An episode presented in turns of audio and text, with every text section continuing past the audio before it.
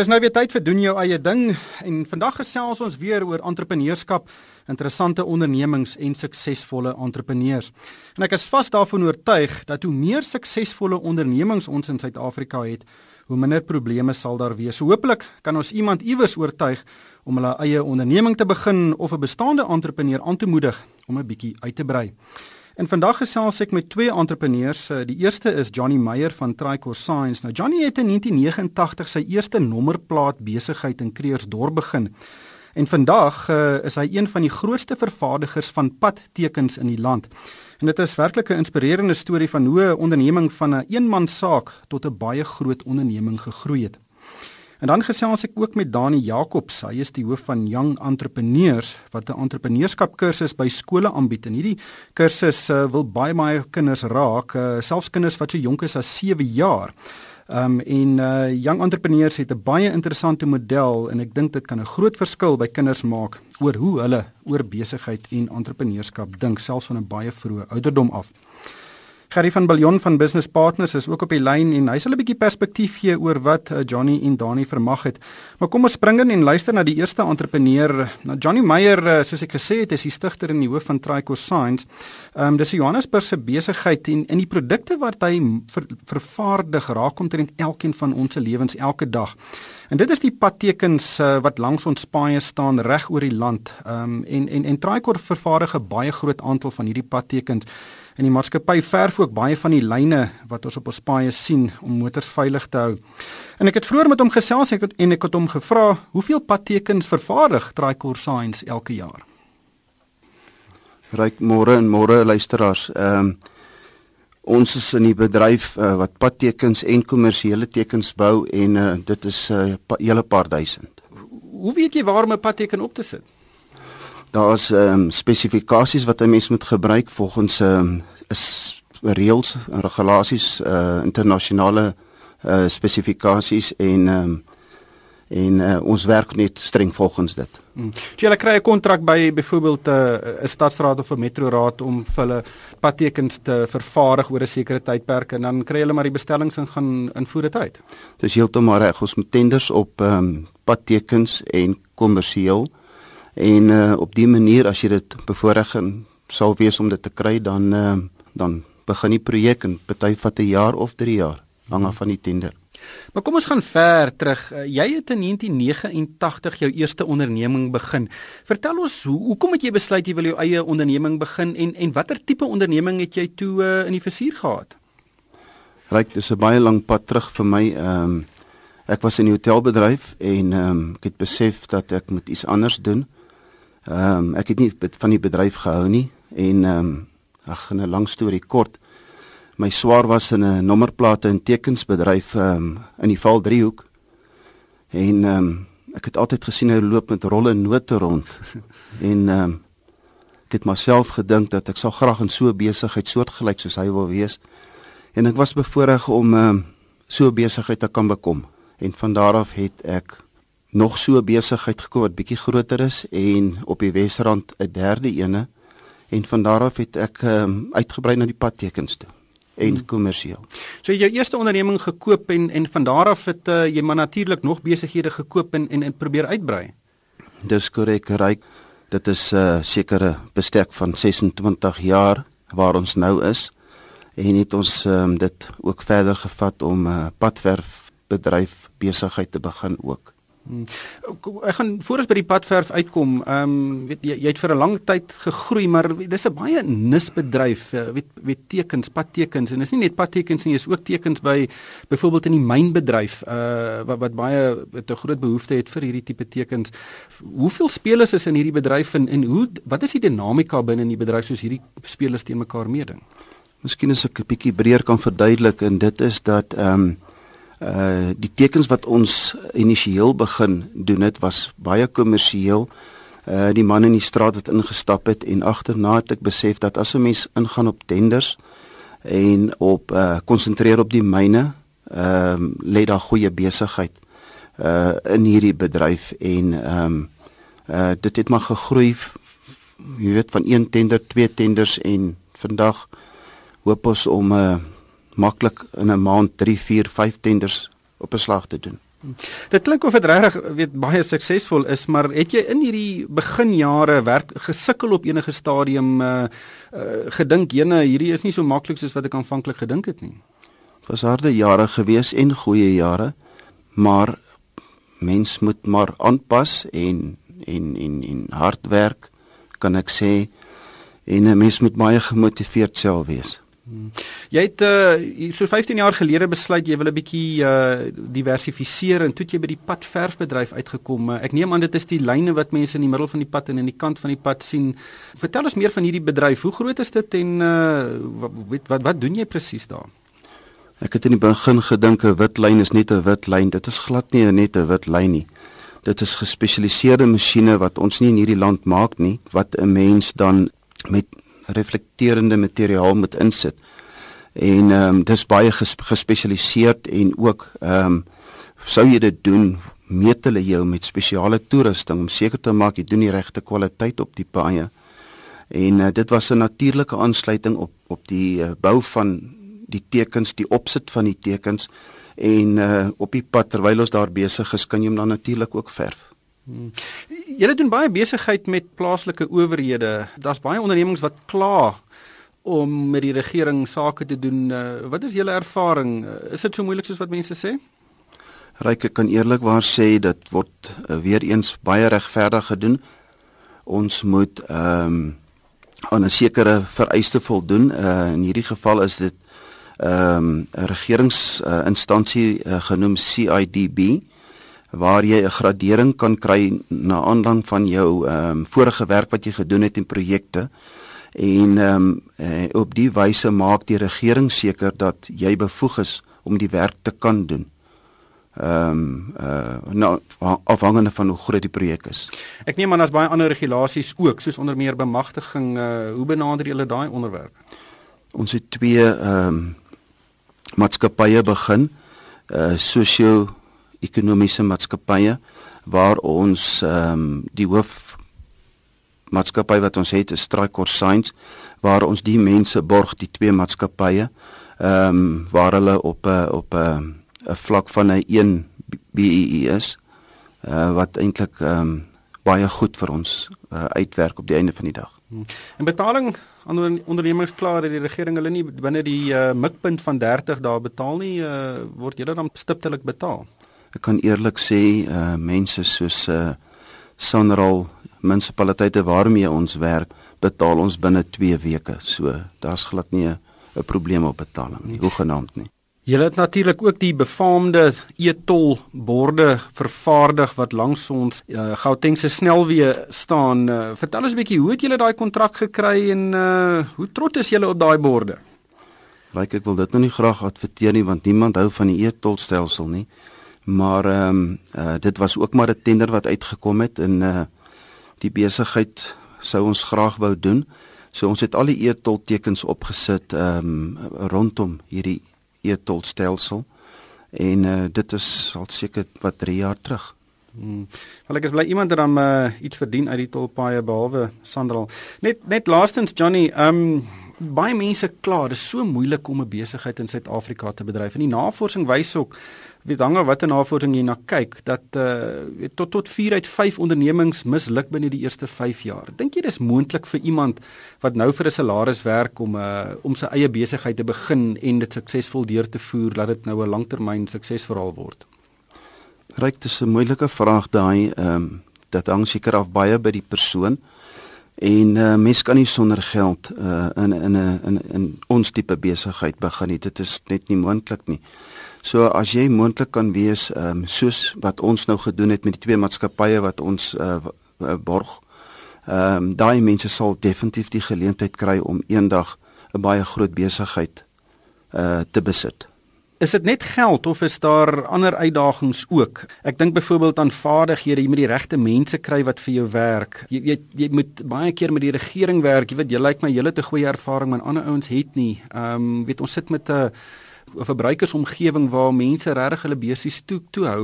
Wat wat dink jy kan ondernemings doen of wat is die vaardighede wat 'n entrepreneur nodig het om 'n sukses te maak?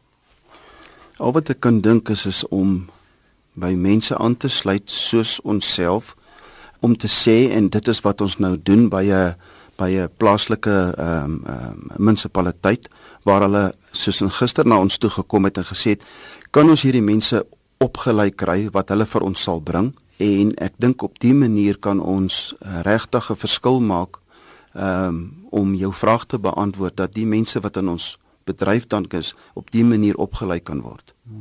Dankie Johnny, dit is Johnny Meyer van Tricor Science. Ehm um, Gerry van Miljoen van Business Partners het op die lyn. Uh, Goeiemôre Gerry, uh, baie interessante storie, maar wat vir my uitstaan is sy goeie verhouding met die regering. Dit gebeur nie baie nie of doen dit? Ja, goeiemôre Ryk. Ja nee, ek moet sê dit is nogal vir my uitsonderlik. Ons het so rukkie terug het ons gesels oor die laatbetaling van ehm um, van die rekeninge deur die regering en dit en dit bly 'n probleem. So ek is bly dat dat Johnny dit reg gekry het om sy betaling te betuig te kry. So miskien moet ons 'n bietjie leer by hom in terme van hoe dit gedoen kan word. Hmm. Maar is 'n interessante bedryf uh, om 'n onderneming te hê wat grootliks daarop uh, weet staat maak om regeringstenders te kry. Is daar baie van hulle en uh, weet wat is julle ervaring met die toekenning van daai tenders? Is dit ook so weet regverdig soos wat Johnny sê?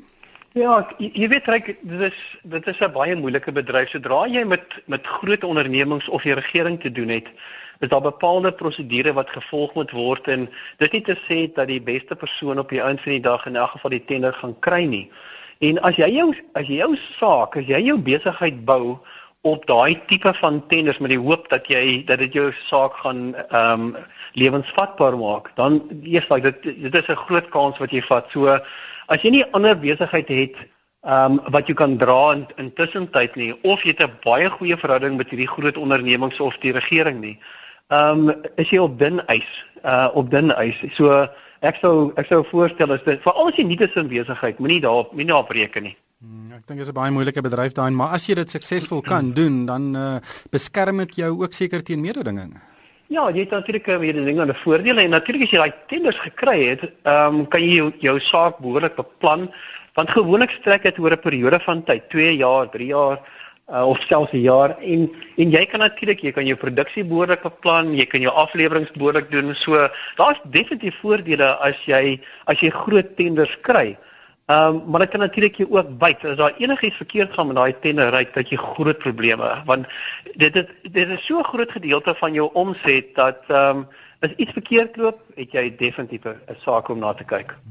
Ek kry gereeld e-posse van entrepreneurs um, en daar's altyd 'n deurlopende tema en dit is dat hierdie entrepreneurs geld soek. Uh, ja. Hulle beskou geld as die grootste ehm um, weet 'n uh, hulpbron wat jy moet hê om 'n ja. suksesvolle besigheid te begin. Is dit so?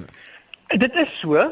Ehm um, maar weet ons by business partners wat elke dag finansiering toestaan aan aan klein en medium grootte organisasies sê dat dit is nie die beginpunt nie, ryk. Die, die eerste ding wat jy moet doen is jy moet eers jou sake konsep reg hê. Ehm um, jy sit nie eers die geld op die tafel en dan doen jy die besigheid nie. Jy kyk eers na die besigheid self en dan sê jy hoeveel geld het ek nou nodig daarvoor. So dis 'n bietjie 'n bietjie 'n ander verhouding. Ek hoor ook elke dag dat die enigste ding wat wat 'n sakeman benodig is ekstra geld. Nou dit dalk maak dalk so wees, maar dit is nie die beginpunt nie. Die hele idee is jy moet verstaan wat jy met daai geld gaan maak. Want leen is een ding, terugbetaal is iets anderster. So ons sê dit is moeilik as 'n KMO om geld op die open mark te kry, maar jy moet eers jouself bewys dat jy dat daai geld wat jy nodig het gaan werk vir jou.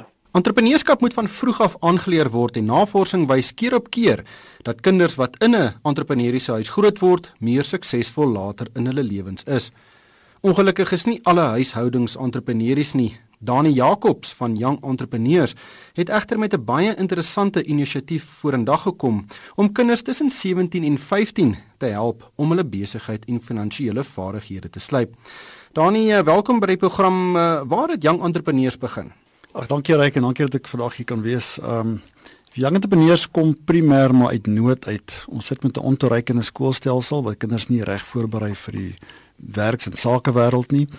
En dan tweedens kinders word verbeeldingryk, energiek en waagmoedig gebore. En daai ondernemingsgees raak weg met verloop van tyd indien hulle nie entrepreneursiese onderrig kry nie. OK, so julle begin uh, op by baie jonk kinders, 7 jaar oud. Uh, vertel ons, wat doen jy met 'n 7-jarige kind? Hoe stel jy hom bloot aan entrepreneurskap? Ja, ek moet sê, weet 'n 7-jarige kind is 'n baie moeilike teikenmark gegee by die feit dat jy hulle moet entoesiasties kry oor entrepreneurskap en finansiële geletterdheid en ons doen dit deur spel. Enige kind, die oomblik as jy spel en interaktiewe aktiwiteite inbring, dan 'n kind natuurlik entoesiasties. So ons laat hulle eksperiensieel geld en besigheid ervaar. Hm. Hoe doen jy dit? Hulle kry besigheidsrugsakke, hulle kies 'n produk, hulle weet hulle droumateriale binne hulle rugsakke, hulle vorm klein vennootskapies en dan vat ons hulle deur die hele entrepreneursiese siklus. So hulle kies 'n produk, hulle kies 'n naam vir die produk, die besigheid word geregistreer. Ehm um, dis waarop hulle baie trots is. Hulle moet vir hulle besigheid 'n weet 'n klein logoetjie ontwerp. Ons ons maak vir hulle klein besigheidskaartjies, hulle bou 'n prototipe, hulle gaan doen marknavorsing, hulle kom terug, ons berei hulle voor ehm um, om 'n klomp produkies te maak en hulle eindig by 'n markiedag waar daar 'n leningssertifikaat terug is na die ouers toe en waar hulle eindig met varkie geld. Varkie geld, wat is dit? Varkie geld. Kinders verstaan nie die verskil tussen verkope kos of verkope kontantvloei en wins nie. So ons probeer altyd vir hulle verduidelik dat die geld wat in jou varkie ingaan kan slegs in jou varkie ingaan nadat jy jou weet jy roumateriaal betaal het en enige skuld wat jy aangegaan het om die besigheid te begin. Ons help hulle net om die verskil tussen verkoop en kos om verkoop 'n bietjie beter te verstaan. So dis die wins wat hulle maak uit ja, hulle besigheid. Ja. Ja, vir die kleintjies, hulle verstaan nie wins nie. Die konsep wins vir 'n kleintjie is 'n baie groot konsep. So hulle verstaan varkie geld baie baie goed en ons gebruik dit dan as basis vir die finansiële geletterdheid want hulle kan hulle geld dan of spandeer of spaar of dan gee. Nou die kinders wat ouer is uh, tot en met 15 jaar oud, uh, ek neem aan die program verander nogal vir hulle en en en hoe werk daai plan vir daai ouer kinders? Ja, die program word 'n bietjie meer kompleks. Die ouer kinders kry weet hulle kry feitmandjies by en dan die graad 7, 8 en 9 kinders, hulle het ekonomiese en bestuurswetenskappe op skool. Ons wil dit nie herhaal nie, ons wil dit nie dupliseer nie. So hulle gebruik 'n besigheidsimulasie wat ons hulle help om dit wat hulle in die skool leer beter te konseptualiseer uh omdat dit 'n baie teoretiese benadering op skool is en die besigheidssimulasie help hulle net om die wie die konsepte te konseptualiseer en beter te verstaan. Ek neem aan julle werk baie nou saam met skole. Uh hoe kan 'n skool betrokke raak ja. in, in in hierdie um, inisiatief by hulle aanbied? Ja. Daar is skole wat ehm um, weet nou al konsessies word gevat het so 'n skool wil graag 'n konsessie hê, hulle bied die program vir hulle eie kinders aan. Andersins gebruik ons die skole vir ehm um, weet vir studiesentrum, so die skole is ons strategiese vennote. Uh deur die skool bereik ons die ouers en skole kan gerus hulle hand opsteek om te sê maar ons wil graag 'n studiesentrum wees vir jong entrepreneurs en wat hulle dan dood eenvoudig doen is um is om van 'n fasiliteite in die middag vir ons beskikbaar te stel. So dis 'n konsessie geleentheid. Uh, Tipies sal 'n entrepreneur uh, so 'n konsessie opneem en dan sal hy dit ook bemark na 'n klomp skole toe in 'n sekere geografiese area. Ja. Ons werk so ongeveer met 10000 graad 1 tot 9 leerders is min of meer die groottes van die konsessies en binne in daai area moet hulle dan met die skole werk en werk ook met die sakekamers ons wil graag hê dat korporatiewe Suid-Afrika betrokke raak om jong entrepreneurs vir die kinders wat dit nie kan bekostig nie uh, daar te stel so 'n tipiese konsessiehouer sal dan werk met die skole met die onderwysers maar ook met die korporatiewe eh, kliënte in in 'n area om jong entrepreneurs dan uit te rol in daai spesifieke area. Hoeveel areas eh, bedien julle reeds? Ons is nou in 13 areas. Ehm uh, die primair op hierdie stadium maar Gauteng, ons is in die Vrystaat, ons is in die Noord-Kaap en ons is in die Wes-Kaap. Waar kan ons meer inligting oor jong entrepreneurs kry? Hulle kan uh, op ons webtuiste is www.younge.co.za. Uh, Hulle kan net daar gaan kyk al die kontakdetails en al die kontakbesonderhede is daarop. Dankie Dani. Dit was Dani Jacobs van Young Entrepreneurs. Baie interessant uh, Gerry Biljon, Gerry van Biljon van Business Partners. Gerry, weet my ek het 'n 8-jarige seentjie Uh en en entrepreneurskap is beperk tot mamma bakkie koekies en hulle vat dit skool toe. Hy eet die helfte daarvan op en hy verkoop die ander helfte. Ehm um, so ek dink hierdie is 'n baie baie interessante inisiatief. Yes, like right. Jy weet ek het 'n uh, ek het 'n groot passie as dit kom by entrepreneurskap op 'n uh, op 'n uh, vroeë ouderdom. En een van ons grootste probleme in Suid-Afrika is dat daar's nie 'n kultuur van entrepreneurskap nie. So wat Daniel besig is om te doen is is absoluut verfrissend. Ehm um, En dit is om mense op 'n op 'n baie jong ouderdom bloot te stel aan entrepreneurskap.